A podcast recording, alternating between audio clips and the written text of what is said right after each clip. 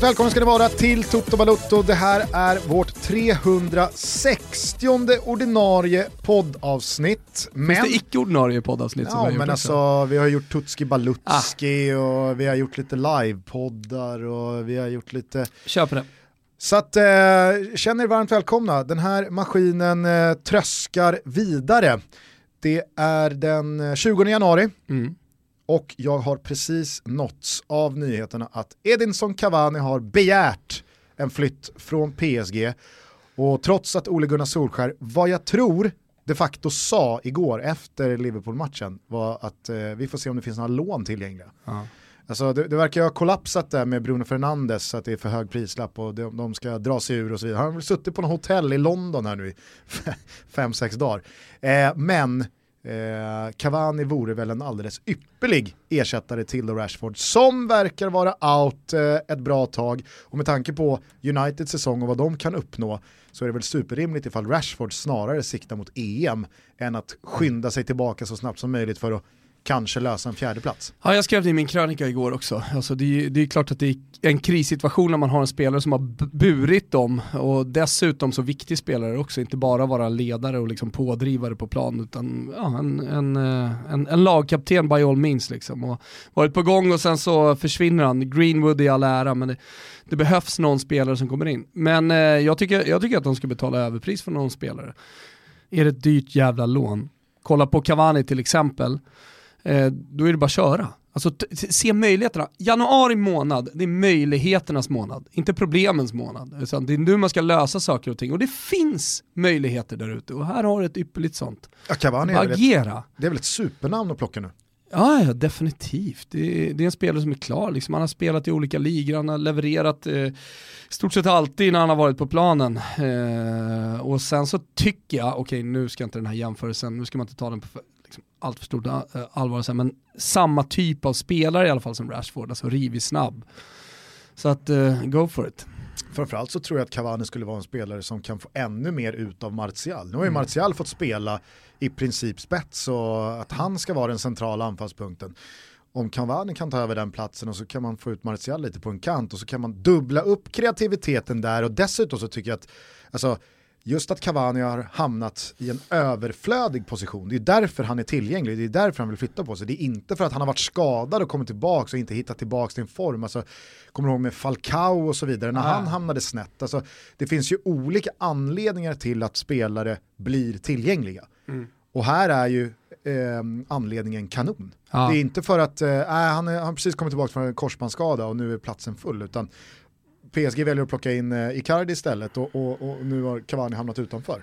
Nej, jag säger att eh, Ole måste mm. ta Cavani. Jag tror att det var The Telegraph som eh, hade gjort ett eh, ganska, ganska stort jobb var på väg att säga gräv, men ett stort jobb eh, kring den här matchen, inför den här matchen, ekonomiskt var eh, klubbarna befinner sig och så hade de bland annat då ett diagram, jag vet inte hur ytligt det var, men hur som helst, Liverpool är på väg att eh, ja, men komma ifatt och eh, på sikt var deras analys också dra ifrån, rent pengamässigt och bli eh, Englands rikaste klubb. Och det, det, det, går ju inte att tänka på något annat sätt för Manchester United än att lösa det sportsligt, att ta sig till Champions League hela tiden eh, och att vara attraktiva för, för, den globala marknaden så att säga. Så man inte tappar eh, generation, för det kommer kom in en ung generation här nu som älskar Liverpool det föds ju Liverpool, det lär ju födas tio Liverpool-supportrar på varje Manchester United-supporter varje dag. Eller hur? Globalt tänker du? Ja, globalt. Ja. Jag menar så här, så på sikt så är man på väg att tappa. Och då, må, då måste man gasa sig ur den lilla krisen man befinner sig i. Och då måste man hoppa på eh, och anstränga sin plånbok. Om eh, Solskär nu pratar rent strategiskt bara, att man söker lån, så kan det ju också vara. Att man har blivit tillsagd att inte eh, öppna upp för mycket kring att man är intresserad av att värva. För då blir prislapparna dyrare. Ta Harry Maguire i somras till exempel. Det där kan ju också ha varit en beställd eh, sägning det det eh, i just eh, Bruno Fernandes-affären. Eh, absolut, definitivt. Men, men, men i det läget, ta Bruno Fernandes där, men sätt ner foten och ta in honom. Är det den spelaren de behöver uppenbarligen, ja men då ska han in. Kolla på Daniel James nu, han springer omkring och är sån jävla alibi-spelare. Han gör ju ingenting. Ja, han är jättesnabb och eh, ser lite rivig ut, men han kommer ju aldrig till några intressanta lägen. Ser ju i slutet då är det många som kritiserar honom när Salah gör mål att han inte kliver in framför. Jag hörde vi har satt studion var inne på det också. Alltså Salah, eh, Salah håller ju undan honom, för att han är mycket starkare. Jo, jo, men du, alltså så här, du, du behöver ju inte springa in Isa, han är ju... Nej, han hade kunnat tagit ett annat beslut, men det där är ju typiskt Daniel James, även offensivt. Det, det händer inget. Han är där och man tror såhär, nu jävlar ska det hända, och så händer det ingenting. Hörru, vi eh, kan fortsätta prata om Manchester United, Ole Gunnar, han sa en annan grej också som jag reagerade starkt på igår, det blev ju väldigt hetskt mellan Jamie Carragher och Roy Keane eh, vad gäller Ole Gunnar Solskjaers framtid och så vidare i studion efteråt. Men, eh, ska vi bara sparka igång med ett svep? Det har yes. hänt annat eh, än Liverpool-Manchester United. Ja. Men vi börjar i England där alltså Mohamed Salah med sitt första mål mot ärkerivalen Manchester United definitivt sköt ligatiteln till de röda från Liverpool. 2-0 var ett slutresultat i underkant och jag förstod faktiskt ingenting när Glenn Strömberg tyckte att United skulle ha all heder för sin insats. Bojan nyanserade i studion och sa det som verkligen behövde sägas. Manchester United är en patetisk skugga av sitt forna jag och insatsen var allt annat än hedersam. Men det är inte bara Oles gubbar som kränger och krånglar. Bakom suveräna ligaledaren verkar ingen speciellt sugen på tre pinnar och under helgen tappade följande lag två eller tre poäng. Manchester City, Leicester, Arsenal, Chelsea, Spurs och Everton, ni hör ju själva. Aston Villa med Premier League-comebacken Pepe Reina i kassen placerar sig efter poängen borta mot Brighton på nedflyttningsplats med 22 fjuttiga poäng inspelade. Ändå är man bara 12 poäng från femteplatsen och Europa League-kval. Vidare till Italien. Dejan Kulusevski har knappt stått att känna igen sedan flytten till Juventus blev officiell och när han igår sprang in på sin nya hemmaarena för första gången fortsatte den dystra trenden. Cristiano Ronaldo däremot, han har gått motsatt riktning formmässigt och smällde igår in två nya mål för tredje Serie A-matchen i rad. Det har ingen spelare lyckats med på den här sidan millenniet. Har du något Thomas? Juve-segern innebär dessutom att avståndet nu är fyra poäng ner till Inter som för andra matchen i rad kryssade den här gången borta mot Lecce. Det är dags för Ashley Young att styra upp grejerna nu, mm. tror jag bestämt. Ingen spelare har nått 150 Serie A-segrar snabbare än Zlatan Ibrahimovic för när Ante Rebic med sitt 3-2 mål punkterade den galna andra halvleken mot Kenka Semas Udinese var det i den 220 fighten som Zlatan nådde detta krystade rekord och stal det från Esteban Cambiasso. Grattis säger Toto. Eller?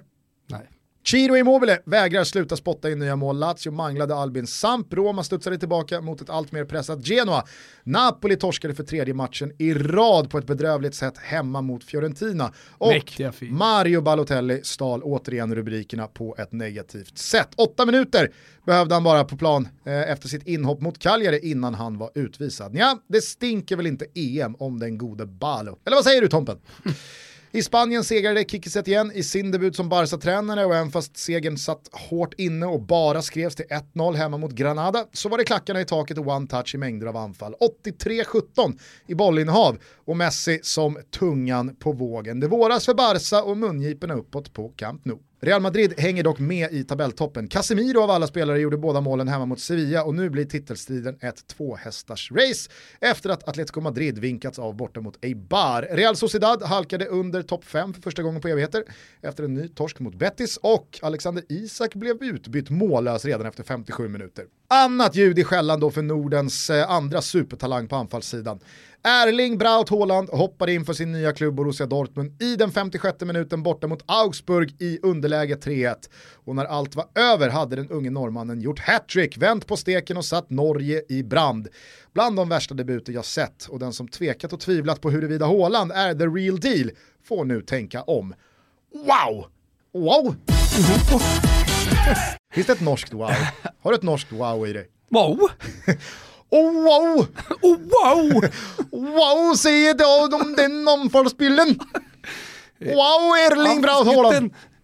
Ja. Nej, otroligt. Eh, vad som också är otroligt, alltså vi har ju pratat lite om sådana här, har de här grejerna någonting? Har det att Pierre-Emerick Aubameyang gjorde debut för Borussia Dortmund borta mot Augsburg och gjorde hattrick med nummer 17 på ryggen? Nej. Nej. Spontant då, när var senast eh, du eh, följde en så här otrolig debut, får man ändå säga att det var? Mm. Jag vet inte, vad har du för, vad har du för liksom klassiska? Du har ju eh, Wayne Rooneys eh, debut i Manchester United, mm. när han gör eh, hattrick mot eh, Fenerbahce vinner väl med 5-2 eller något sånt där. Mm. Sen lurigt med debuter också. Jo, såklart. Alltså man kan ha debuterat i kuppen innan eller eh, ta Dejan Kulusevski till exempel som debuterade för Atalanta i våras, ingen kommer ihåg, det var knappt rubriker i Sverige, ingen visste vem han var. Nej. Och sen så hade han gjort debut då för Parma, låt säga. Eller typ Eh. Zlatan eh, i landslaget, när man tänker då Azerbajdzjan Mm. hemma när han hoppar in i Mm. mål, men han hade någon Ja, inomhuslandskamp mot Färöarna Exakt. något år tidigare. Ja, alltså det är svårt. Eh, Jag, jag, just att debuter har jag inte färskt i minnet. Ronaldos debut för Real Madrid, alltså inte Cristiano Så Ronaldos. man har ju sina lag har man ju lite grann. Så. ja. Nej, men jag kommer Så ihåg, Samuele Di Carmine, numera Hellas Verona kommer jag ihåg, när han gjorde debut för Fiorentina, såg tung ut i röven och påminner mig om Martin Åslund. Nej, men det, alltså, nu kan säkert någon eh, Real Madrid-supporter slå mig på fingrarna här, men jag tror att när då Ronaldo, alltså den riktige Ronaldo, gjorde debut för Real Madrid så gjorde han det också med två, eller kanske rent av tre mål eh, i någon hemmamatch mot typ Las Palmas, alla väst kanske var. Men annars så är det verkligen så här, nu, nu konsumerar man ju så oerhört mycket fotboll, och det är klart att man missar grejer och man har säkert glömt saker och det finns säkert de som kan eh, trumfa Haalands debut, men just alltså, efter en sån höst när han har gått från ja, men, totalt okänd för 99,9% av fotbollsvärlden utanför Norge till att då göra näst flest mål av alla i Champions Leagues gruppspel. Han gör det mot Liverpool, han gör det mot Napoli. Han är dessutom från vårt grannland och han är en anfallsspelare som de flesta stora klubbarna då annonserar sitt intresse för, hamnar i Dortmund och så blir det ett hattrick direkt. Alltså det, det, det är svårt att inte ryckas med i Ja, ja, Haaland-hysterin. verkligen. Jag har inte sett någon dra kortet Tyskland är en dålig liga, det där hade aldrig hänt i Premier League, typ. Ändå en del som kör lite så här brasklapp på? Augsburgs försvarsspel, att de Ah, står så högt och... Alltså, eh, nu gjorde de det och det är andra lag som också står högt och som du säger så har han ju redan levererat maximalt i, i Champions League under hösten. Så att det är Mm. klart att det, alltså så här, någon slags bluffkort eh, på Haaland, det kommer, det kommer dröja innan man får dra det. Sen känns han så jävla redo mentalt också, man kan tycka att han är dryg och borde passa in i den här eh, tv-serien Exit eh, på något sätt, eh, liksom där han, där han hugger yxor i huvudet på prostituerade. Men eh, alltså det, det på något sätt för mig blir ju snarare att han är redo mentalt. Eh, alltså så här, man kan tycka att han inte är speciellt ödmjuk, men å andra sidan så tror jag att han snarare skyddar sig från eh, liksom media, hypar och så vidare genom att ha den attityden mot, mot, media. Han svarar kort och han svarar inte speciellt frispråkigt. Eh, eh, det har väl att göra med vilken typ av spelare, vilken typ av människa snarare som, som han är. Så att eh, det här borgar nog för en jävla karriär. Visst är det också slopat eh, sen i fjol att eh, du inte är eh, competition tied i och med att han spelade då gruppspelet för Salzburg. Mm. Han får spela eh, åttondelsfinalen för Dortmund kommer, mot, PSG. vi kom väl överens om det? mm. ja, men, eh, Ny, nya bud. Coutinho låstes ju för Ja. det för två eh, år sedan. Men förra säsongen så slopade de det. Och det, alltså så här, där har du ju liksom så här, där har du ju perfekta nästa steg för honom att ta. Ja, ja. Det blir ju så. Ett gruppspel är ett gruppspel, du om någon är ju en förespråkare för att det bara är liksom ett, en, en transportsträcka mot eh, turneringens egentliga Ja startfas. men det har inget att göra med prestationerna att göra. Nej nej, jag säger bara att så här, okej nu har han check Bundesliga-debuten avklarad, hattrick, Dortmund kommer givetvis vara med i toppen hela vägen in där, ser de dock inte eh, utmana eh, Bayern Leipzig har ju dragit iväg poängmässigt, men Ja. att han då får PSG också Mm. i eh, de första slutspelsmatcherna. Jo men och PSG var säkerligen en av de klubbarna som ändå tittade på honom. Nu var ju Juventus långt fram och jag tror nog att när de såg matchen mot Augsburg och hans inhopp så mm, mådde de lite dåligt. Eh, eller det, man ju, det måste man ju ta för givet att de gjorde. Eh, för de var långt fram alltså, de, de försökte verkligen få honom, men det var han som valde Borussia Dortmund. Och Och, då, då, och vet, du- vet, vet du vad som händer nu? nej. Det blir vatten på kvarnen då för alla som säger att Borussia Dortmund är ju det perfekta valet för alla unga spelare, speciellt offensiva spelare. Mm. Det blir ju vi får ju alltid eh, åsikter eh, när någon svensk spelare väljer en klubb. Alltså, jag fick det på Dejan Kulusevski senast. Så fan vad häftigt det är Juventus. Flera säg fyra i alla fall, som på sociala medier skrev, men varför valde han inte Dortmund istället? Ja, de kanske inte var intresserade till att börja med. Eh, och sen finns det väl hundra andra anledningar till att välja Juventus framför Borussia Dortmund för Dejan Kulusevski. Samtidigt som det finns hundra anledningar för eh, Haaland att välja Borussia Dortmund. Samtidigt som det för oss, alltså som svenskar, blir ju väldigt färskt i minnet med Alexander Isaks Dortmund-sejour, att det kanske inte är liksom, 100 av 100 eh, klockren, liksom, klockrenhetspoäng. Men eh, en månad efter då eh, Champions League-åttondelarna mot PSG, eller i alla fall den första, så är det dags för Norge då att kvala till EM mot Serbien. Det känns ju också som att så här, inte ens Lagerbäck kan väl, eh, kan väl stå i vägen här nu. Nej, det blir Joshua King och, spelar 4-4-2, alltså Joshua King och eh, Haaland på topp. Vilket Sp jävla... Spelar han 4-4-2? Jo, men den kan spela med någon... Till och med Lagerbäck kan väl utveckla och spela typ Emil Forsberg-spelaren, eh, vad har de där eh, i... Ja, men han kanske tycker att det blir för offensiv balans med Ödegård, Joshua King och Haaland. Så att han, han, han hittar på någon lösning där man kan inte peta någon, så det blir Joshua King istället. Så, och så blir det Håland med någon. Men jag, jag tänkte på det, eh, med honom i alla fall, eh, att nu är väl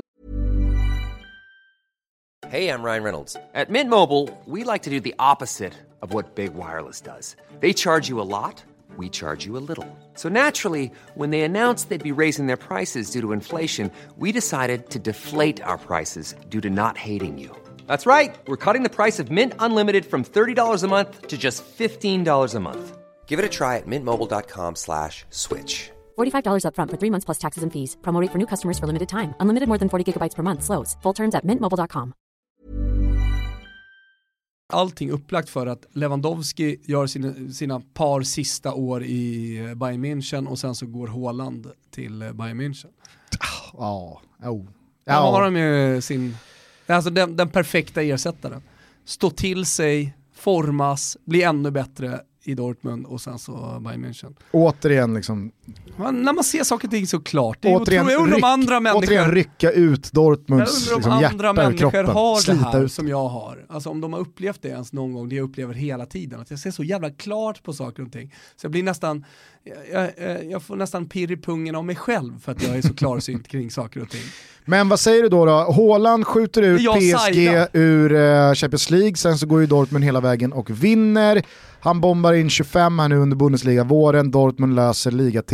Han slaktar Serbien, sen vet jag inte om det är klart hur lottningen då ser ut, men tar Norge till EM och eh, skjuter pokalen hela vägen hem till Nu, nu är det grumligt alltså, nu är det grumligt. Kan någon kan Håland? Nej, fan lugn nu. Han kommer, han kommer göra fem matcher utan att göra mål. Men eh, om, om du hade fått välja då? Håland, Ödegård eller står du kvar med Kulusevski, Isak? Eh, men det kan man ju inte göra. Fast det alltså, är en hypotetisk fråga. Ja men jag säger det, jag, det, det, kan jag inte göra, jag kan inte stå kvar med dem med tanke på vad Aha, Ödegård levererar. Jag, jag trodde du menade, jag kan, jag kan inte välja. Nej men så här. Eh, Ödegård spelar i Real Sociedad kontra då Parma, han, eh, ja men de gör väl typ lika många poäng. Man väljer ändå Håland, om man ska vara helt neutral. Jag väljer, jag väljer Isak och Kulusevski för att de är mina gubbar. Så att i slutändan skulle jag välja dem. Men om jag ska försöka vara lite objektiv nu när jag ska svara på frågan så är man ju dum i huvudet egentligen om man inte väljer Håland då. Ja. Och, och Ödegård. Ja, jag, jag skulle säga att just... Men jag väljer Kulusevski Isak i alla fall. Just nu, alltså, vi, vi, vi, vi sa här initialt och inledningsvis, det är svårt att minnas en ja, men, lika eh, exceptionell debut för en spelare på den här nivån. Jag har på riktigt svårt att minnas en tid i den nordiska fotbollen där det fanns två så pass lovande spelare med sån enorm potential i ett nordiskt landslag som det just nu är på Ödegård eh, Håland. Mm. Ja, jag, jag kan inte minnas det. Alltså i och med att de båda kommer fram nu, att de får sina genombrott nu, eh, så är det ju såklart exceptionellt. Och då får man väl kanske gå tillbaka, försöka minnas eh, vad har, vad har, vi haft för tider? Alltså, men jag, du vet, jag bara går tillbaka till, vad har vi haft för briljanta anfallsspelare? För det här är ju ett anfallsspar på något sätt. Ja, men jag är lite för ung för men, bröderna Laudrup. Det, det jo, kanske var liksom Men vad hade de framför sig där då? Alltså de hade ju garanterat inte Håland. Nej. Eh, Brolin hade Dalin, Kenneth Andersson, så, alltså, jättekompetent såklart, eh, men eh, det var inte riktigt i närheten av detta va? Nej, Nej och Zlatan var ju väldigt liksom, men han kom ju fram själv. Ja, eller, visst det går, väl att, det går väl att peka mot Kim Källström, men ja, det var ju inte liksom... Och Ljungberg var redan etablerad, Henke var redan etablerad. Mm. De var ju också lite med så här mittemellan generationer. Jo, och spelade i Celtic och ja, visserligen spelade Ljungberg då i Arsenal, men äh, det är svårt. Det är svårt. Finland har givetvis ingenting. ja, vad hade Littmannen bakom sig? Mm. Nej, men så här, Christian, Christian Eriksen, nej, Bentner, ja fast... det var ju intressant i och för sig, Eriksson Bentner, fast det, är lite det skiljer för mycket i ålder på de två dessutom. Jo men alltså det här är ju, alltså Håland, Ödegård, det är ju två spelare som, alltså jag känner ju att så här, ja, Norge kommer nog, Norge kommer göra bäst resultat mm. av de nordiska landslagen kommande tio år. Så, så, så, liksom, så hårt tror jag på de två spelarna. Martin Ödegård, han kommer vara given i Real Madrid från och med nästa säsong. Han kommer vara liksom Luka Modric ersättare i fucking Real Madrid. Ja men då måste de också förstå att de är Norge. Om de ska lyckas med det som du säger, eh, nå, nå fantastiska resultat. Alltså Sverige gick till kvartsfinal i VM för något år sedan. Då måste de också inse vad de, liksom, vad de går in i matcherna med för någonting. För det är inte bara de två, utan man, man kan inte få hybris och tro att man liksom, eh, kan spela ut Spanien. Hur många Utan man spelare måste fortsätta behöver man vara Lagerbäck. Hur många, hur många spelare behöver man innan man får ha hybris. Alltså, Framförallt måste du göra någonting eh, till att börja med. Sen så är ju, är ju backlinje, mittfält i övrigt för dåligt för att ha hybris. Jag menar, så här, det, det, det, spelar ingen roll hur bra de är om de är för svaga defensivt. Det är det jag menar. Alltså om de ska bli Erik Hamrén eh, optimistiska kring anfallsspelet, då, då, då, tror jag att man tappar bort sig själv lite. Man ska helt plötsligt vara liksom ett tiki-taka-landslag. Vi måste fortsätta vara lagerbäxt eh, i Norge.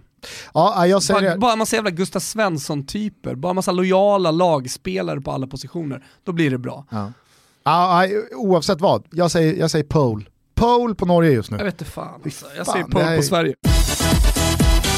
Eh, hörru du, eh, ska vi ta oss tillbaka till Anfield då? Eh, Liverpool eh, vann med 2-0. Det jag nämnde i svepet där, hörde du också Glenn när han sa United ska ha all heder för sin insats här och jag, jag, jag förstår ju vad han menar i och med att Liverpool kanske inte jättedesperat, men de fick i alla fall backa hem och slå ifrån sig sista minuterna när United bara är ett mål ifrån återigen att ta poäng då av suveräna Liverpool. Men det var ju snarare en produkt och ett resultat av att Liverpool inte hade dödat matchen under första 65-70 minuterna. 4-0 hade ju varit ett mer talande resultat, är i alla fall 4-1. United ska ju såklart göra mål på någon av sina jättechanser med Pereira och Martial. Men ändå, jag tycker att alltså, här ser man Manchester United som, visst, Pogba är borta, Rash, Ra, Rashford är borta, men det är ju ett Manchester United som mot sin värsta rival i 70 minuter försöker spela sig ur pressen men tappar boll gång på gång på gång och får stå och slå ifrån sig. Äh, det, var, det var sån klasskillnad så att det var löjligt tycker jag. Mm. Ja, men, alltså, någonstans är det ju också eh, fotbollens dynamik, att leder man bara med 1-0 Ja, ja, så, så, så, kommer det i något läge i slutet på matchen eh, att eh, pressas från det andra laget, precis som det blev, det blir några hörner i rad. Och man, man, jag tror att Anfield-publiken eh, känner lite puls så är det, så ser det ut. Det hade, det hade varit eh, lite samma sak mot Sheffield eh, United. Mm. Eh, oavsett vilket eh, lag man möter, jag vet inte varför det blir så, kanske inte behöver bli så. Ja, Milan, var, Milan var väl bäst, alltså det, det, stora Milan en gång i tiden, på att aldrig hamna i sådana situationer. De bara spelade, spelade runt bollen och motståndarna fick inte tag på den. De var otroligt skickliga liksom, på att reda ut sista kvarten situation när man leder med eh, uddamålet. Men det Liverpool lärt sig det är ju, det är ju att inte få panik när, de, när, när den 10 minuters perioden kommer.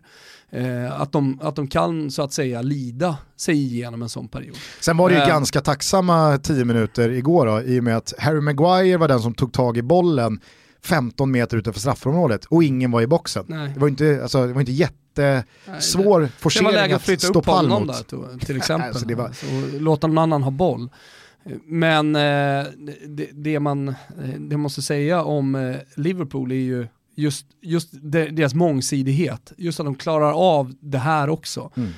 eh, eh där, när målet kom, när 2-0 målet kom, de leder ligan med så jävla många poäng. Eh, hur, hur vidskepliga de än är på Anfield, hur vidskepliga en fotbollssupporter må vara, eh, så är det så jävla viktigt att vinna och att, eh, att fortsätta vara bäst. Och jag tror att det har att göra med att vara bäst i dubbelmötet så att säga, vara bäst i, i, i Liverpool mot Manchester United med den rivaliteten som finns.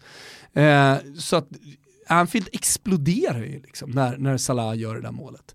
Det finns ju ingen mättnad, förstår du vad jag menar? Och nej, det tycker jag är fortfarande så jävla häftigt. Och det, det, har väl att göra med att det var länge sedan man vann den där titeln. Absolut. Så att det kommer vara så här, varenda jävla mål kommer firas som att det var ja, men, eh, en VM-final. Ja, och sen så tror jag också att igår så blev det också en extra boost i och med att Leicester torskar, City har tappat ja. poäng dagen innan. Att även fast vi som inte håller på Liverpool började ropa ut att det är klart när det var 9, 10, 11 ja. poäng och liksom Betsson och säkert en del andra spelbolag pröjsar ut eh, vinst på att Liverpool ska vinna ligan och så vidare så har ju Liverpool-supportrarna hela tiden så här, nej men herregud, har man inte vunnit ligan på 30 år då, då är man jävligt försiktig med att eh, ta ut någonting i förskott. Ja. Men nu gick man upp på 16 pinnar i diff ner till Leicester och City. Mm. Man har dessutom en match i handen, den är mot West Ham nästa vecka.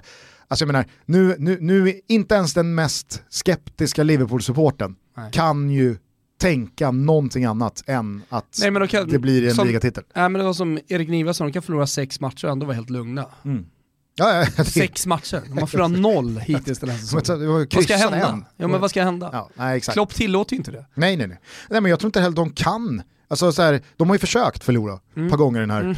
ja, säsongen. Inte ens då går det ju. Så att, eh, nej, eh, jag, jag är som så många andra oerhört full av beundran för detta Liverpool, men jag tycker verkligen att matchen igår blev snarare, mitt fokus hamnade på Manchester United, hur mycket som faktiskt är fel i den här klubben.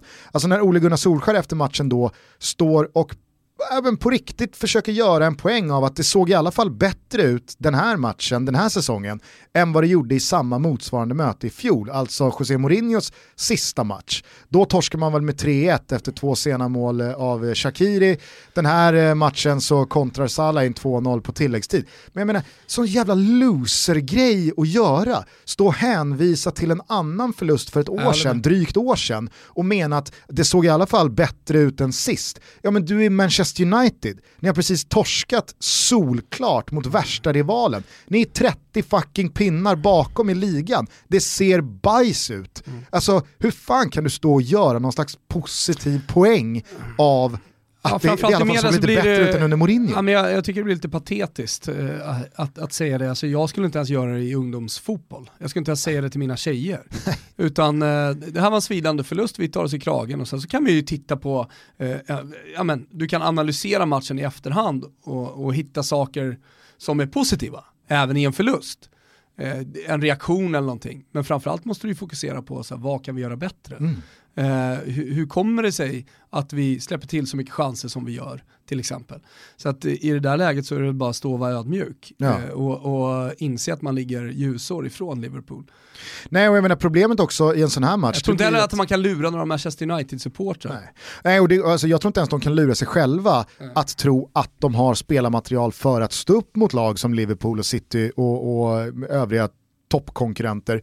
Men det blir ju dessutom dubbelt fel när man då som igår ska liksom, okej okay, vi har inte materialet för det, men vi ska, liksom, vi, vi ska spela på ett sätt som är, det är hål i huvudet. Alltså man ger ju bort boll efter boll efter boll för att man inte, liksom, ja men som du är inne på, var lite ödmjuka, inse att vår bästa chans att ta poäng i den här matchen, det är köttmura, skicka långt, gå på kontring, lyfta upp, lås. Där. Istället så ska man liksom så här, äh, men vi ska åka till Anfield och, och, och spela bort världens bästa presslag. Mm.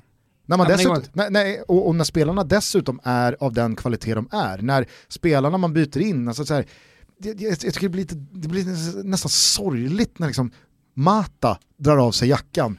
Januari 2020. Jag tror inte att många Manchester United-supportrar kände hopp när han stod vid sidlinjen och skulle komma. Fan nu kommer Mata in, här kan det hända grejer. Nej, och, och jag menar, visst, Mason Greenwood är nog inte svaret på alla frågor i, i, i världen.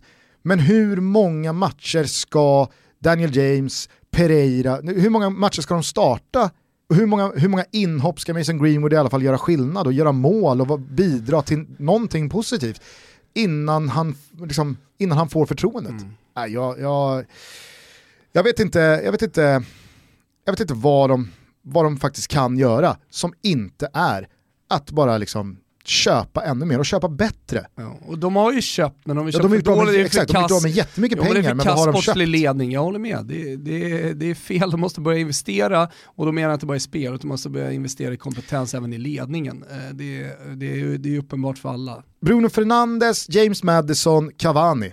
Bra. Får väl kosta 2,5 miljarder. Ja. Och hosta upp, hosta upp grejerna. Hosta. För det är ju tre tillräckligt, nu ska man man, man, det är nog många som med mig Koulibaly ska akta sig för... Jag liksom bolla upp Jag vet, jag säger bara så här, man, man ska nog akta sig för att eh, liksom, ha utåt sett för bra koll på Bruno Fernandes. Jag kan vara ärlig och säga att man har inte sett eh, Alltså, man har inte sett 25 matcher. Inte jättemycket där, men jag såg honom under hela hans Italien-tid och den var lång. Mm. Och vad jag har förstått så har han blivit ännu bättre i Sporting sen. Jag vet inte hur han står liksom i, en, i en Premier League-kontext vecka in vecka ut, spelar så mycket matcher som han gör där. Eh, självklart möta bättre spelare, tuffare, hårdare fysiskt spel för en teknisk eh, lirare. Han är, inte, han är liksom inte vindsnabb heller utan han är ju snarare liksom bra fötter, teknik, smartness. Det, det, det, det, vet man ju inte, det är ingen garanti. Kolla på när Nicolas Pepe kom in, liksom hela hela Europas kelgris lite grann. Det är det här, nu, nu jävlar, kolla på vad som kommer hända. Så kommer det till en ny liga, det tar tid. Mm. Kommer inte komma in i det direkt. Däremot kommer Cavani komma in i det direkt, det ja, lovar jag. Ja, nej, men, jag, och menar bara Koulibaly skulle kunna komma in och liksom mer eller mindre styra upp det lite direkt. För ja. att om man, om man kollar på ja, det som finns nu, det, det är för dåligt. Jag menar bara att även fast man inte har sett 25 matcher med Bruno Fernandes senaste året i Sporting så vågar jag nog ändå lova att han går ju in och höjer det som Matic, Mata, Lingard, Pereira, Lingard. Eh, Daniel James försöker ja. åstadkomma i någon slags eh, kreativ väg från det där mittfältet. Det, alltså, så här, Sen måste man lösa Pogba-situationen en gång för alla också. Lågvattenmärket för det här Manchester United är kanske att Fred är en av deras bästa spelare för tillfället. Nej, han är ju spel, bäst, bäst på plan. Och Fred har den här oerhört, alltså så här, det här är en detalj som när man tänker på den så går det liksom inte att inte tänka på den. Det finns ju några sådana grejer, att fan det där skulle du aldrig ha sagt för att nu blir det bara, eh, nu, nu, nu blir det bara det man hör eller ser. Om man tänker på att Fred det är så svårt att, att liksom förklara bara, bara i ord. Man måste nästan visa. Men du vet hur vissa spelare, vänsterfotade spelare har en tendens att göra det här mer än högerfotade spelare. Men Fred är en spelare som han, han, han vrider sina liksom insid, han är för mycket vänsterfotad. Jag, jag, jag, vet inte om jag kan förklara det för mycket så, inte så här, inte enfotad, det är inte det jag pratar om, utan om han ska slå... Men pratar du om att han öppnar upp sig för mycket? Ja, men om, han ska slå en, om han ska slå en rak bredsida uh -huh. så vrider han tillslaget med sin vänsterfot, han vinklar foten så att det blir liksom, bollen går till höger. Förstår vad jag menar? -huh. han, han, slår den inte helt rakt. Och när han driver bollen så han kommer över bollen med kroppen på ett sätt som att han driver den framåt och liksom halvmånar. -huh. Och en ny halvmån och en ny halvmån och skruvar bollen förbi. Det går inte att titta på honom. Det går inte att titta på. Och det är, på det, det är en så av Manchester Uniteds bästa spelare. Ja, Så återkommer jag se om, snart. Se, se, om någon lyssnare eller du kan se vad jag menar. Ja, med och försöka förklara det ännu bättre ja, då. Jag ska, det, jag, jag det, det, det, är nog inte så svårt att nej, förklara nej. det bättre. Jag kände att det, det var, nej, men det, inte Du har en spaning här och det handlar om hur han driver boll och hur han slår passningar. Ja. Och jag tror att det har med lite så vinklar att göra på foten och på, på ja. underkroppen och kanske till och med överkroppen. Vi, vi kikar på det här. Och så är det lite tyngdpunkt, han är ganska, liksom, så här, han är ganska mm. kort i kroppen och ja, trumvirvlar till ben, det är lite korta ben, jag vet inte om det är det det är. Äh, det är något nu skit där. Hjälp mig med vad det är jag söker kring eh, Freds liksom, sätt att röra bollen med sin fot och sin vinkel och så vidare. Mm. Eh, hörde du eh, när det hettade till mellan Jamie Carragher och Roy Keane eh, efteråt? Vi kan väl lyssna snabbt på det. What about the previous managers over the last few years? Are you saying they're all bad managers? At Manchester United? Yeah. Do you think they've done good jobs? Marino? You slaughtered Mourinho when he was in the job. I think, he, but he needed more time. He needed more time. You to give Mourinho more yeah, time absolutely. on the back of the performance here CV, last year. Absolutely, that's the name of the game. Because we question we question all he's not up to it. Look at his CV, but yeah, for some reason other managers go to clubs and they're given the benefit of the doubt. Probably the CV gives them the benefit of the doubt. Uh, Frank Lampard's at Chelsea. I saw Chelsea last night. He's been in the job six yeah, months. And I'd say the same. Give him time. Give Ollie a bit of time. How long's Ollie been in the job? What is it, 18 months, just over 12 Is it that long? Months? I don't think it's 18 months. Last Jamie. defeat here was well. That's Can when we find Jose out- find out how long's job. Ollie been the job? It was it was the defeat here at Old Trafford, wasn't it, with Jose Mourinho that did It's it. not That 18 months, December it? of December 18. 16. 16 months. Give the man a chance. And the three previous managers before Ollie, are you telling me they don't know what the game is about, Jamie? They know what the game is about. David So Moyes, who's the problem? David Moyes, Tell David me what the problem David is Moyes Manchester given United. Six, David Moyes was given a six, uh, six-year contract. Alex Ferguson on the pitch going, So you'd have kept get behind on. the manager, back him. Would you have I would have kept given him a David bit more time. Not Would you eight have months. given him six years Not then? eight months, and I wouldn't have sacked him on Twitter. Civil. I wouldn't have given him eight months. Are you telling me deso- David Moyes doesn't deserve more than eight months? I think he did, yeah. Yeah, he deserves. Absolutely. So you still have him there in the job? Okay, well, how long would you give give Ollie? How long would you give Ollie to give turn Ollie it round? certainly another year. 100%. Another year. Ja, det är det är rejält eh, eldigt här i, i studion och Keen han viker sig inte en tum att Ole Gunnar Solskjaer ska ha minst ett år till på sig. Medan Jamie Carragher menar att, alltså, va? va? va? Varför då? Exakt. han. Och det är en befogad fråga. Sen kan jag tycka att Keen har en poäng i att, ja, men så här, när de tar upp då David Moyes som exempel, det har man ju lärt sig i efterhand. Kanske fick David Moyes sparken för tidigt, just för att där och då hade ju Manchester United en helt annan självbild. Man var liksom Sir Alex Fergusons skapelse och man var ett lag som på fem säsonger så vinner man ligan tre minst. Och det är Champions League-finaler lite titt som tätt och så vidare. och så vidare. Att där och då, det här var väl 2013 va, så blev ju en fjärde plats eller femte plats. det var ju, det var jordens undergång. Idag så är det ju liksom så en fjärde plats. Det, det, det tror jag en- Manchester United-supporter tar blint. Men tiderna har ju då som sagt förändrats och idag är tålamodet kortare och det ska det väl vara med tanke på Ole Gunnar Solskjaers senaste år. Du, du nämnde ju en, en del möjliga liksom, detaljer som vi kanske inte vet om, vad Ola har att jobba med, vad det går att spendera, vad det inte går att spendera. Men det han gör med det han förfogar över, det är ju för dåligt. Och jag vet Jag inte tycker också riktigt... det, alltså jag tycker att truppen är kass, men du ska ju samtidigt jämföra med andra trupper. Du ska jämföra eh, med lagen som befinner sig ungefär i samma läge som dem, alltså i samma tabelläge som dem. Med deras förutsättningar, alltså vad, vad Manchester United gjorde den här sommaren. Eh, vad man gick in med för förväntningar på Manchester United den här säsongen genom att utgå ifrån truppen.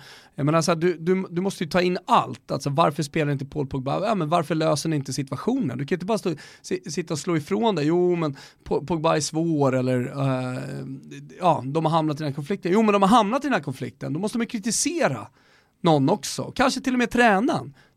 Jag menar, fan se till att hitta din spelare då. skit i vad ledningen håller på med.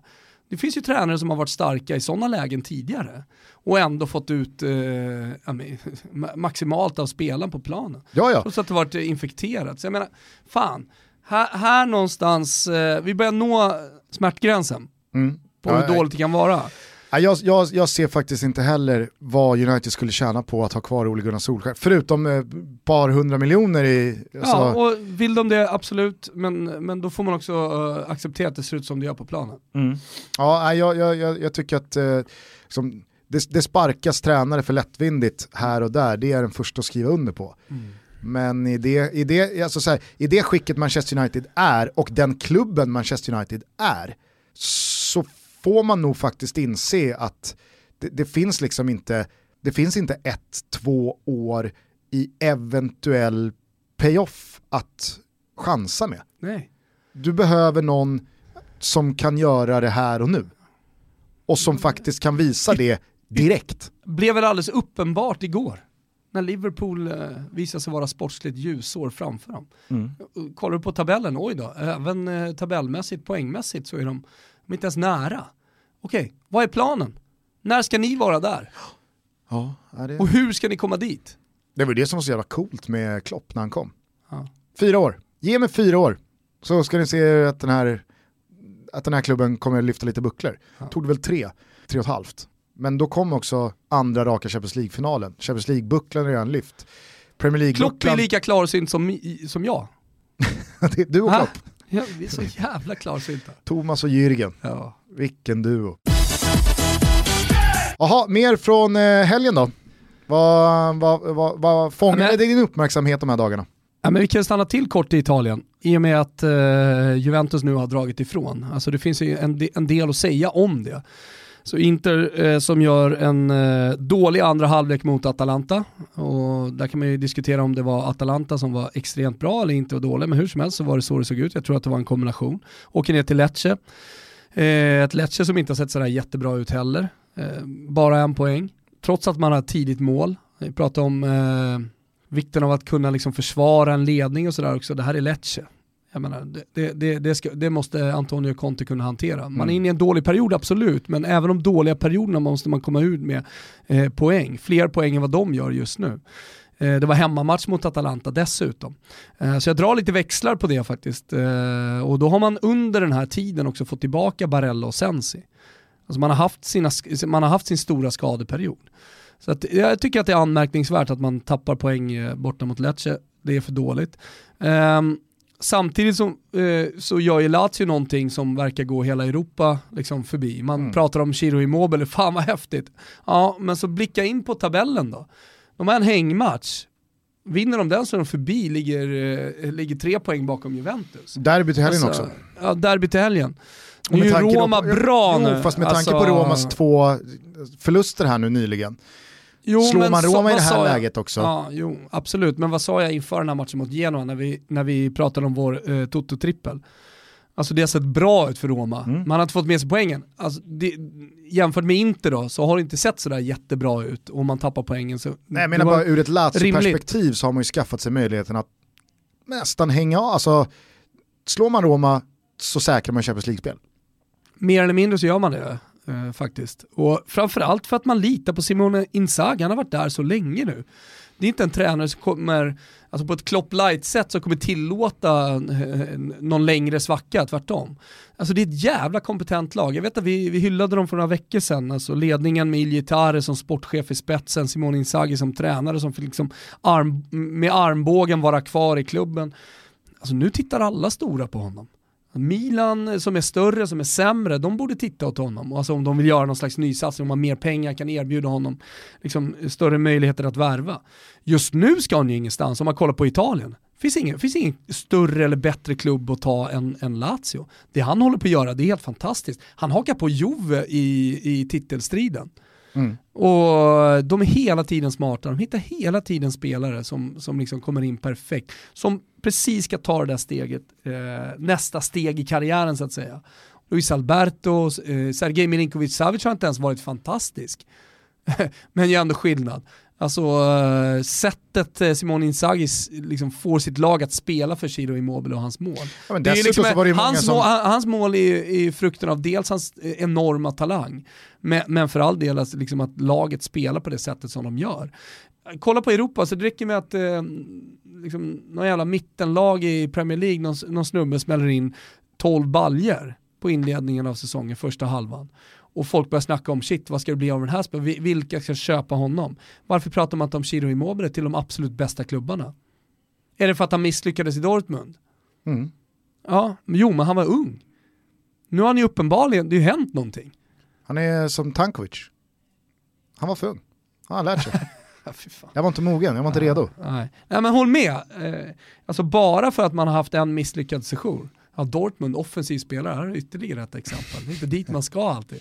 Nej men, men, Nej, men alltså, för han har ju såklart blivit bättre, fast, han blir mer erfaren. Jag, jag tycker det, alltså, nummer nio, så har det varit i historien också. Alltså, det, det tar ett tag innan de verkligen liksom, exploderar. Förutom de allra, allra, allra största talangerna, de bästa spelarna såklart. Men... Sen så ska man väl alltid komma ihåg att Alltså, bara för att en spelare gör det extremt bra i en klubb, i en miljö, i ett spelsätt, under en tränare med med, med de här eh, spelarna runt omkring sig så finns det inga garantier att man gör saker och ting lika bra någon annanstans. Precis på samma sätt så att, att det finns noll garantier att bara för att en spelare har gjort det dåligt och inte alls fått till det i en miljö så kommer man ju inte hundra av hundra gånger göra det lika dåligt när man byter miljö. Alltså det, det, det, det är väldigt få spelare, förutom då Erling Braut Haaland såklart.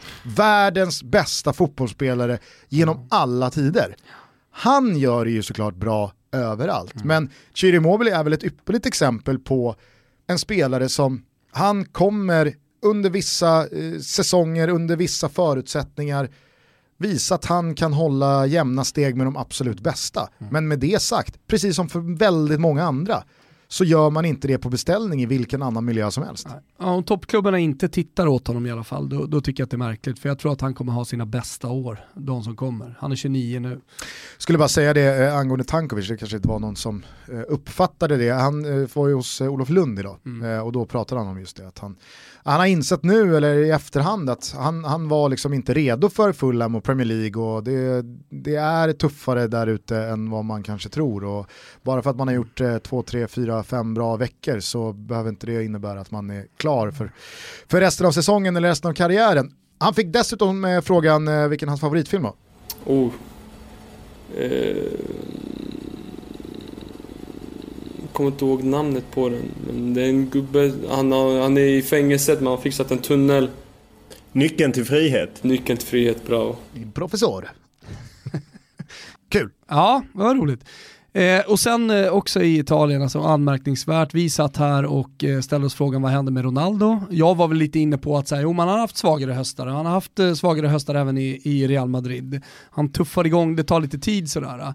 Kanske har han insett att han inte ska liksom, springa ihjäl sig på hösten för att hålla eh, när det verkligen är som, som viktigast. Han ser mycket lättare ut nu, han har hittat rätt i positioner, eh, han Hittar ser gladare ut. också. Va? Hitta rätt i pigmentet. Mycket, det, och, och sen kan man garva åt den där tofsen men det är någon liten eh, skillnad som han har gjort liksom i utseendet. Han har blivit lite brunare, han har eh, ja, men, hittat en, en utseendeförändring som också påverkar hans spel. Det vill jag ändå tro Gusten. Mm. Jag tror att det funkar så, ibland behöver man raka av sig håret. Ja men, eh, eller? Ja, inte för att du har testat. Nej, men jag testar långt. Ja. Jag testar kort. Ja, nej men Eh, absolut. och, och nu har han gjort mål då, var det sju raka matcher i rad. Eh, han Tre ser, raka matcher med två mål. Han ser otroligt bra ut, Eh, han löser tre poängare eh, och eh, Juventus liksom stormar emot den där scudetton. Jag tycker att de ska bli jävligt intressanta att se i Champions League. Mm. Otroligt intressanta. Och vi ska ju faktiskt se dem på plats. Just det. Borta mot Lyon. Wow. Gud vad rolig februari månad vi ska ha. Ja, vi först- ska till San Sebastian, Mm. kolla på Sociedad mot Bilbao. Vilken, vilken, vilket datum var det här? eh, I slutet på februari så sticker vi först till London Mm. och ser Chelsea by München. så tar vi tåget. Tåget Miljövänliga under vattnet. Just det. Det blir coolt. Jag känner lite klaustrofobi redan nu när jag tänker på det. Alltså, när man försöker tänka hur man bygger en tunnel under vatten, Ja. då, då kan jag säga... Då, Snurrar det till i skallen. Jag Ja, blev, snurrar till i skallen. blev lite svimfärdig här nu kände jag. Eh, så att, eh, det blir jävligt roligt och jag håller ju med. Jag vet att jag sa ju där eh, efter, eh, det var Milan-matchen va, han blev utbytt i och var så dålig och lämnade arenan och, och skällde på Sarri och så Ja. vidare. Som jag då frågade mig och dig, var det mini, mini, mini början på slutet vi såg här? Vi slog inte fast något svar. Nej, Och jag, är väl, alltså så här, och jag är väl inte, men det är ju relevant i att och med en ställa sån fråga frågor. så säger inte jag att ja, det. Ronaldo är slut. Utan jag frågade, var det kanske mini, mini, mini början vi såg? Det kanske inte var. Nej. Eller det var det Nej, det uppenbarligen var det inte. uppenbarligen inte eftersom han är hetare än någonsin, det är han ju såklart inte. Men, men Du, fall, eh, jag måste bara Juventus-tiden skulle jag nog säga att han är som bäst nu. Jag måste bara fråga innan vi lämnar Italien. Eh, Gennaro Gattuso, tredje raka torsken. Ja. Alltså, jag läste någonting om att De Laurenti ska ha sagt att han vill liksom, det är öppet köp på Gattuso, ta tillbaka Ancelotti. Ja. Det, det är en väldigt italiensk övning för de som inte eh, vet det, att sparkade tränare i Italien, det finns inget fotbollsland där så många sparkade tränare tre månader eller fem månader senare kommer tillbaka till samma klubb. Man tänker så här, vad fan är ryggraden, vad är stoltheten? Det är liksom, fuck you. Jag fick ju sparken här för två månader sedan, eller fyra månader sedan. Men märkligt ofta kommer ju det ofta. italienska tränare tillbaka. Eh, Men nu har ju Ancelotti gått vidare och han har ju redan börjat göra riktigt bra resultat med, med Everton. Men det kan väl absolut ligga någonting i att De Laurentiis har frågat sig själv, vad fan, vad gjorde jag? ja, definitivt. Och det är ju det där att ö, övervärdera truppen. Alltså att tränare. överskatta förmåga och här, ja, här underskattar han nog För det här är väl det sista vi ser av Gattuso? Eh, någonsin menar du, sen i savannen? Ja, alltså exakt. Eh, Nej. Låt säga, att, låt säga att han slutar på en tolfte plats med Napoli. Mm. Vad, ska, ska han gå in i 2021 Så det, som det, var ju, då? eller? det var ju typ så tre, fyra klubbar som var intresserade av honom. Eh, Fiorentina var, var, var den ena klubben. Mm, det var ju då. Jag menar det är infekterat i, i Neapel just nu, det, må, det måste man ha med sig. Alltså det, det är så jävla infekterat och du kan inte bara gå in och ändra på den situationen. Det tror jag att andra klubbpresidenter och sportchefer vet om och övervärderar inte Gattusos eh, liksom, misslyckande. Men du är ju så jävla Eh, skarpsynt här. Ja, jag så vad händer? Det. Nej, men jag tror att Gattuso har en stor tränarframtid. Nej men stor, men han, han kommer ju definitivt få klubbar. Han kommer ju, han kommer ju, kommer ju lätt kunna gå in i ett Brescia, eller ett Spal när Semplici ska vidare, eller Genoa, eller Sampdoria. Sampdoria tog Ranieri nu. Alltså Ranieri, han var väl slut eh, efter sista sessionen i Roma. Eh, Så här, eviga tvåan och alltihopa. Alltså det är klart att det kommer finnas klubbar som vill ha Gennaro Gattuso. Fast Ranieri har ju ändå gjort saker. Han har ändå lyckats med saker. Men jag tror att han är ung, han kommer fortfarande kunna få klubbar. Ja, Det är jag övertygad om. Du tror på Cedorf också? Vad har hänt med Cedorf? Stack inte han till Afrika? Jo men det Med pratade Kluivert? vi om. Jo men det pratade vi om. Men eh, jag tror inte vi har uppdaterat oss efter det. Någon lyssnare får gärna uppdatera oss. Ja, Hur går det. för Clarence Cedorf? Eh, nej men eh, då, då sticker väl jag ut hakan och säger det här är det sista eh, Gattuso gör med någon slags eh, liksom, klubb som kan nå en övre halva att göra. Nej då, så är det inte. Nej. För att bara, jag vill bara fylla i där. eh, Vadå kris och vadå eh, kaos i, i Neapel. Alltså nu är det nya eh, retiron. Nu ska man bo på Mm. Funkar hotell och nu ska det, ja du vet. Jag tror att man till och med åkte därifrån, avbröt den nu med Gattuso igen. Jag har inte följt situationen 100% men det, det, det är total kalabalik. Vi i den klubben, stentufft alltså. schema här också? Ja, ja. Det väl Juve och... Ja, kanske det som är bra då. Fan vet jag. Det så- såg ju så bedrövligt ut mot Fiorentina och det är inte bara Beppe Jacchini-effekten i Fio som gör det. Utan eh, det, det är ju även deras oförmåga att faktiskt liksom skapa någonting. Kolla, truppen är fortfarande bra. Kom igen. Ja, ja absolut. Sen så, alltså, Alla kan ju inte ha blivit helt jävla värdelösa på att spela fotboll på så kort tid. Nej, men vi har ju pratat om det här ett par gånger senaste tiden och, och det finns ju en hel del spelare som man också då, alltså på tal då om Chiro Immobile och varför stämmer det nu och skulle det göra det i, i vilken miljö som helst. På samma sätt så kan ju en miljö så jävla drastiskt förändrats i ett omklädningsrum och i en spelargrupp och i hur det har skurit sig med då De Laurentiis och hans son och så vidare, tränarsituationen. Nu finns det heller inte speciellt mycket att spela för. Alltså lyft bort det ur ekvationen och du har vadå kvar i typ eh, Callejons eh, liksom prestationer, Allans prestationer, Koulibaly, Insigne, det är väl det är väl andra demoner som spökar där, men du Ja. fattar vad jag menar. Alltså, Insigne borde ha lämnat Neapel för länge sedan. För mig- tycker jag. för mig- och det sa jag tidigt också. För mig är det, liksom, det, det, det är mer logiskt att det här håller i sig än att de här spelarna ska kraftsamla och börja visa klass igen och spela för att bli sjua. Mm. Jag vet inte, det är, så, så ser jag på den närmsta framtiden i alla fall. Hörru du, eh, hade du eh, några... Nej men jag det, vill bara nämna Mario Balotelli och inte för att prata speciellt mycket om honom. Han vart inbytt som du sa i svepet och fick eh, två gula kort. Det var Vaffankulo och, eh, och det ena och det fjärde till, trä, till tränaren var det inte. Eller kanske var också, fan vet jag. Men eh, till eh, domaren. Eh, Det som är intressant med den situationen det är ju att en av de mest spektakulära värvningarna eh, på, i modern tid, om man kollar ur, ur liksom ett allsvenskt perspektiv, är ju Simon Skrabb till Brescia från ingenstans. Nu vart det väl kanske inte de 30 miljonerna. Eh, jag har en backstory på den som vi kan dra till i nästa avsnitt, så kör vi en liten cliffhanger eh, på eh, liksom hur, hur sjuk den övergången ändå var, hur man lyckades eh, är, är väl Hassan Settinkaya som är agent där, men är helt, eh, he, är otroligt bra jobbat av samtliga parter så att säga. Ibland blir det bara jävligt bra. Det roliga med det här, det är ju att Simon Skrabb går in och blir någon slags eh, vice Balotelli här. I och med att eh, Balotelli kommer bli avstängd minst en match eh, så öppnas då dörren till att Simon Skrabb ska in och göra det för Brescia. Och det tycker jag är jävligt kul. Ja, hur, ja, det, ja, ja, liksom, hur det bara kan svänga i fotbollsvärlden. Vem hade sagt att Simon Skrabb skulle gå in och bli Mario Balotellis ersättare i Brescia?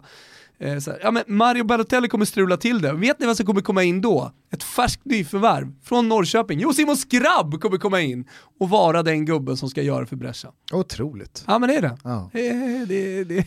Det var väl som det där mejlet vi fick till oss, nu har jag letat fram det här faktiskt, eh, från Fred Brandt. Han skrev till oss för drygt två år sedan. Då skrev han så här, eh, hej, tack för en otroligt bra podcast. Nu i transfertider finns det intressanta aspekter att ta upp som man kanske inte alltid tänker på. Kedjeeffekter av värvningar. Jag har hittat en kedja som kan vara rolig att ta upp och ni kanske kan hitta fler. Min lyder och det här var alltså den 20 december 2017. Är du med här nu Toppa? Mm, jag är med. Santi Cazorla skadade sig hösten 2015 för Arsenal och de behövde ersätta honom.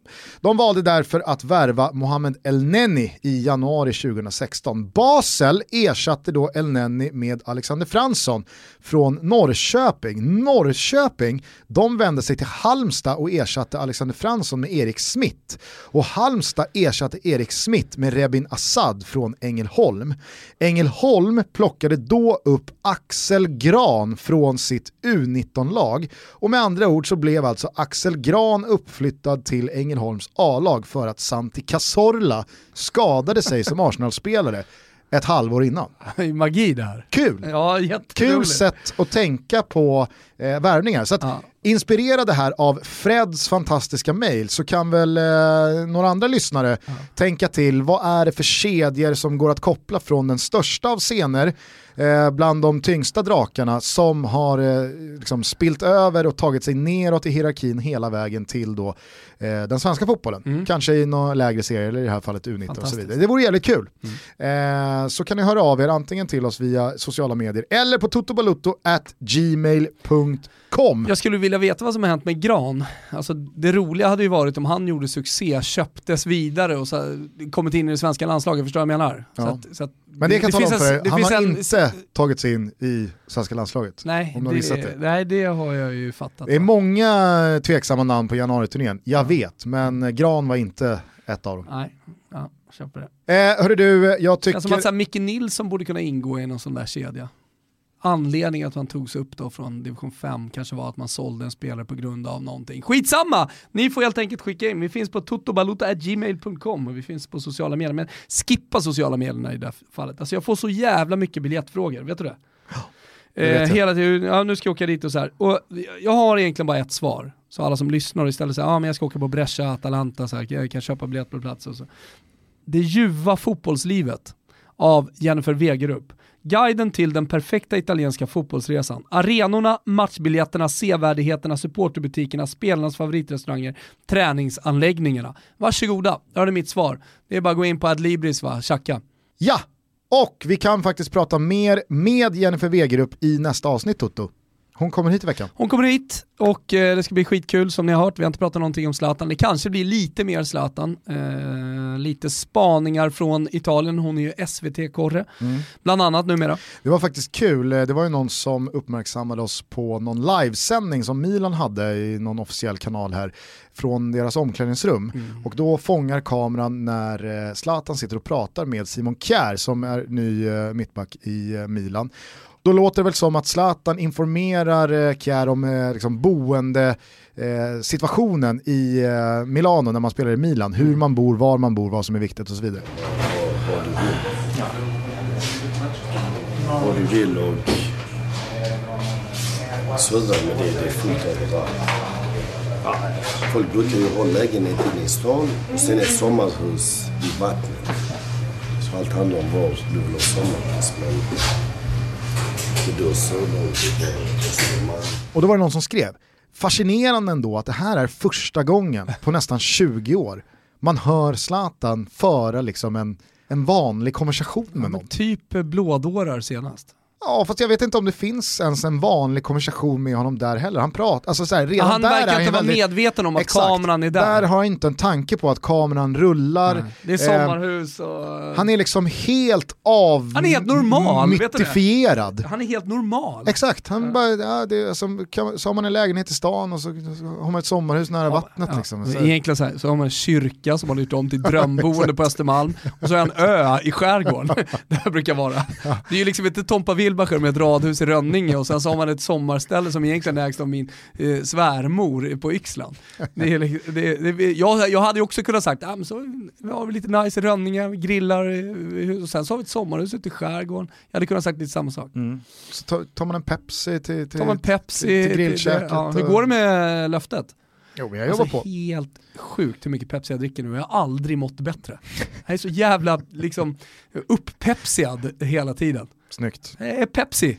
Du är en man av ditt ord. Jag är en Har man du av mitt lovat att du ska dricka mer Pepsi 2020 än 2019? Och jag då- lovar, man mår mycket bättre. Kolsyran, smaken, mm. Härligt hörru du, jag tycker att ni gör som alltid och håller koll på eh, våra sociala medier också, vad vi gör tillsammans med våra vänner på Betsson under Mm. veckan. Det blev ju tyvärr inte en rättad Toto-trippel, men nya tag Nya tag. som alltid. Ja, och roligt redan ikväll så är det Atalanta Spal. Kollar man in på Simor såklart. Eh, en underskattad match, jag tror att det kommer bli fartfyllt och kul. Nu när jag funderar på det ska jag nog gå in och leta på ett överspel eh, i den matchen. Som alltid så är det 18 plus som gäller för allt vad eh, spel heter. Spela med måtta, spela ansvarsfullt och glöm inte att stödlinjen.se alltid är öppen för dig eller någon i din närhet som du upplever har problem med spel. Eh, nej men och sen eh, så har vi ju, fan, du, du var inne på det tidigare, men till helgen på Simor så har vi ju Romderby. Ja, verkligen. det känns ju, alltså så här, Roma tycker jag ser jättebra ut. Fonseca har fått igång det här laget. Eh, och så Lazio då. Fan. Så jävla sjukt, igår när jag kollade eh, Roma eh, så hoppar ju Bruno Perez in Mm. sista minuterna. Det är, det, är så, det är så speciellt, alltså, på, dels då eh, alltså, tränare som får sparken i Italien som kommer tillbaka, det tycker man är konstigt, men det känns också som att det finns inget annat fotbollsland eh, som oftare än i Italien där spelare liksom så här lämnade för länge sedan och så har man, liksom, man har gått vidare från den spelaren. För jag missade, jag missade eh, i senaste matchen här när han också hoppade in, han gjorde något kortare inhopp där. Eh, men så när han stod igår på sidlinjen och skulle hoppa in så tänkte jag, vad, vad fan har jag... Alltså vet man får nästan sån här existentiell svindel. Att det är typ tre år sedan jag såg honom i Roma. Har han, har jag liksom missat honom i varje match? Eller Ja, vad- men det vad måste vara en spelare som det funnits en, han? en hype kring också. För det fanns det ju kring Bruno Alltså, Perez. En dunderhype. Ja, ja visst. Eh, nej men, eh, och, och så tänkte jag så vad fan, har, har, nej, han är tillbaks. Överdriver jag, jag när jag säger att eh, man jämförde honom med Roberto Carlos? Det var väl i Torino han kom Ja. fram, han gjorde ett coast to coast mål, kommer du ihåg det målet? Ja. Under Ventura. Ja. Ja, han var ju superhypad i Torino, kom till Roma, gjorde, alltså så här, Jag tyckte, jag tyckte han var bra i Torino, men jag tänkte ju aldrig att han skulle bli så bra. Men det där coast to coast målet fick ju liksom eh, hela fotbollsitalien att eh, ja, men, överhypa honom ju. För uppenbarligen så, så var det ju en överhype. mm, som försvarsspelare ska man akta sig för att göra spektakulära coast to coast mål. Faktiskt. Det- det brukar sällan Han fick gå ju bra bra kontrakt eh, och allt sånt där. Alltså, Mm. jag menar, så här, han, han har väl kunnat levt på det där ännu mer än vad Linus Alenius har levt på sitt mål. Han har fan, I förhållande till vilken grundklass man håller så måste nog Linus Alenius vara den svenska spelare, kanske någonsin, i alla fall i modern tid, som har eh, lyckats tjäna mest pengar på en grej. Ah, Utmana mig! ja, det Det där många. målet tog, ut honom, tog honom ut i Europa. Eh, Och han är fortfarande ute och tjänar miljoner. Jo, fast det är han ju inte på grund av det där målet. Det är ju för att han smällde in 20 det mål i målet, allsvenskan. i- nej, i, i, det målet fick honom ut i Europa och sen när man kommer in i karusellen ute i Europa liksom, och ändå gör små grejer hela tiden, då, blir man, då kan man bli kvar. Kolla på din polare nere i Grekland för fan. Han gör små grejer hela tiden som håller honom kvar. jo, fast i fallet Linus Hallenius så Det måste var man... målet. Jo, nej, nej, nej. Det var målet, vad fan, ut- jag har ju jag har ju fått det bekräftat av eh, folk. Som tog ut honom, ja, Jag men han kom ju det. hem till GIF Sundsvall, signade ett långt kontrakt. Sen så visade han klassen och gjorde väl 20 Då mål i Allsvenskan folk, 2018. Ja, att han kom ut igen, det hade bara med målet att göra. jo, då, 100%. Jaha, han levererar lite fan. fortfarande efter det där målet så gör han även, oh fan, han, är, han, är, han, han lever den här gubben ändå, fast han inte riktigt lyckades igenom. Hade Hallenius, Hädiska 45 minuter. hade Hallenius gjort mot Lazio va? Ja, det kan vara mot Lazio. Jag tror att det var. Och sen så hamnade man i typ så här Aro eller Arau eller vad den här Han schweiziska klubben heter. ju, ja, han hamnade ju i Schweiz, var inte, hamnade inte alla i Sion? Jag tror att i, det var i? A- Arau. Han var i Perugia ett tag också och var på gång i Serie B och gjorde det bra för åkte på en skada. Fan, jag följde honom nära där, jag tyckte han gjorde många fina matcher. Okay. Såg lite ut som Daniele Caccia på planen. Hur som helst så hade Linus Hallenius inte spelat, eh, han är väl i Nicosia nu va? Han hade inte spenderat sina dagar eh, utanför Sveriges gränser om han hade gjort fem mål i Giffarna det hade, 2018. Jag kan säga så här, de där 20 målen hade aldrig räckt, utan det var körsbäret på Linus Hallenius-tårtan. Målet, van Basten-målet, som fick honom till Nicosia. Nej, tyvärr alltså. Där, du, du var klarsynt. Jag är så klarsynt kring Hallenius. Men nu, nu behöver du byta vindrutetorkare tror jag. Hallenius, om du lyssnar på det här, hör bara av dig, bekräfta det jag säger. Eh, hörni, fortsätt titta på väldigt mycket fin fotboll eh, på Simors kanaler redan ikväll då, då Atalanta. Kanske topp tre roligaste fotbollen man kan skåda i de stora ligorna. Ja. Säger du emot? Nej. Nej. Och säger inte ens Tompa Wilbacher emot så vet ni att då är det så. Vi hörs snart igen. Fan vad roligt att ni lyssnar. Vi dundrar vidare mot 360 avsnitt till. Så är det. Ciao tutti. Ciao tutti.